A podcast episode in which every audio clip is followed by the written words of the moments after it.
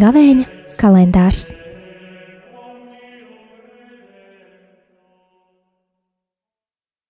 Astoņpadsmitais marts, piekdiena.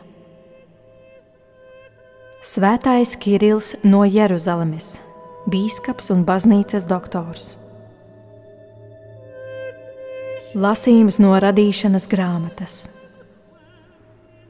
Izrēlis no visiem saviem dēliem visvairāk mīlēja Jāzepu tādēļ, ka viņu bija dzemdinājis vecumdienās, un viņš pagatavoja tam garas drēbes. Bet brāļi, redzēdami, ka tēvs mīl Jāzepu vairāk par visiem dēliem, ienīda viņu un ne par ko nespēja ar viņu draudzīgi parunāt. Kad viņa brāļi, ganot tēva ganālpulkus, uzturējās Sihemā, Izrēlis sacīja Jāzepam: Tavi brāļi gana avis Sihemā, nāc, es tevi sūtīšu pie viņiem.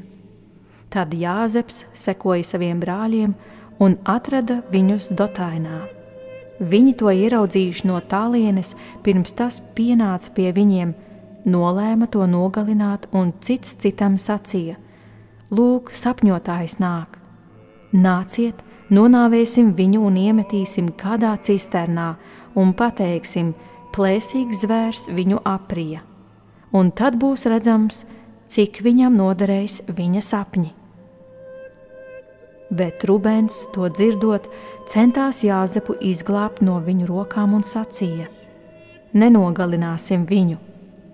Un viņš sacīja tiem: Neizliejiet asinis, iemetiet viņu šajā cisternā, kas ir tuksnesī, un savas rokas saglabājiet tīras. Bet to viņš sacīja, gribēdams viņu izraut no brāļu rokām un atdot viņa tēvam. Un tiklīdz Jāzeps pienāca pie saviem brāļiem, tie norāva viņam garās drēbes un viņu iemeta cisternā, kurā nebija ūdens. Un viņi apsēdās, lai ieturētu azaidu. Bet pacēluši acis, viņi ieraudzīja Ismaēliešu ceļotājus nākam no Gileādas un viņu kamieļus, kas nesa kauleņkoku, sveķu un mastiku un vīraku uz Eģipti. Tad jūda sacīja saviem brāļiem: Kāds mums no tā labums, ja nonāvēsim savu brāli un slēpsim viņa asinis? Labāk ir, ja viņš tiek pārdots Ismaēliešiem un mūsu rokas netiek aptraipītas. Viņš taču ir brālis un mūsu miesa. Un brāļi piekrita viņa vārdiem un madiāniešu tirgotājiem garām ejot, viņi izvilka Jāzepu no cisternas un pārdeva viņu Ismaēliešiem par 20 sudraba gabaliem, un tie viņu aizveda uz Eģipti. Tie ir svēto rakstu vārdi.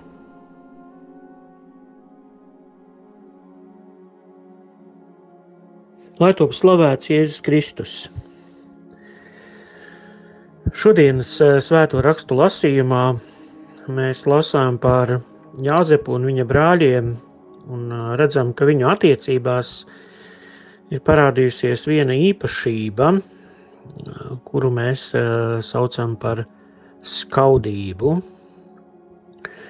Skaudība, protams, var parādīties mūsu ikdienas dzīvē, mūsu attiecībās ar cilvēkiem, ka mēs, piemēram, redzam materiālā nozīmē, ka citam cilvēkam ir kaut kas vairāk dzīvē izdevies, vai viņš gūs kādus panākumus, vai arī viņš varbūt ir fiziski skaistāks vai pareizāks, vai viņam pieder kādi labumi, kurus mēs gribētu, un tad mēs varam izjust sevī skaudību, uh, šo skaudības netikumu, kas ir pretējs labvēlības tikumam.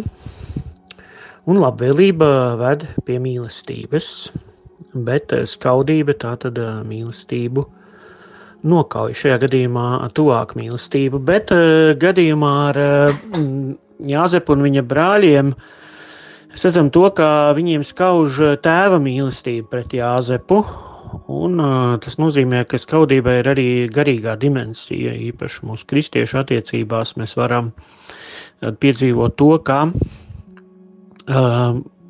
kristietim var skaust, ka otram brālim vai māsai ir uh, dāvātas lielākas žēlastības, uh, garīgās dāvanas, vai arī mums var skaust tas, ka Uh, Dievs tātad uh, mums nav apveltījis ar uh, tādām harizmām vai žēlstībām, kādas mēs esam iedomājušies pēc savas gribas, lai tās mums būtu.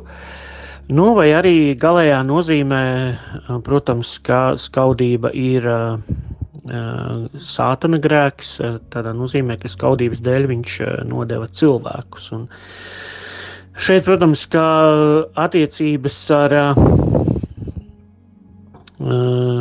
starp Jāzepu un viņa brāļiem ir tātad, prototyps uh, attiecībām starp Jēzu un Dieva tautu. Un, nu, arī Jēzu un visu cilvēci droši vien, kurā arī šīs skaudības grēks noteikti parādīsies vienmēr nākotnē, un tāpēc Dievs arī caur šo savu atklāsmi brīdina, parāda to, un, protams, kā Dieva vēlēšanās ir glābt cilvēkus no šīs skaudības netikuma.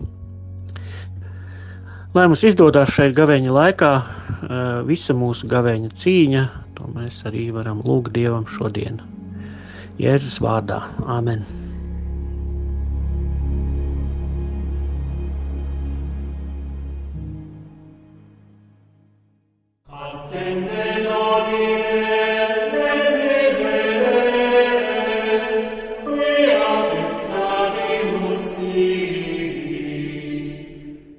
Gavēņa kalendārs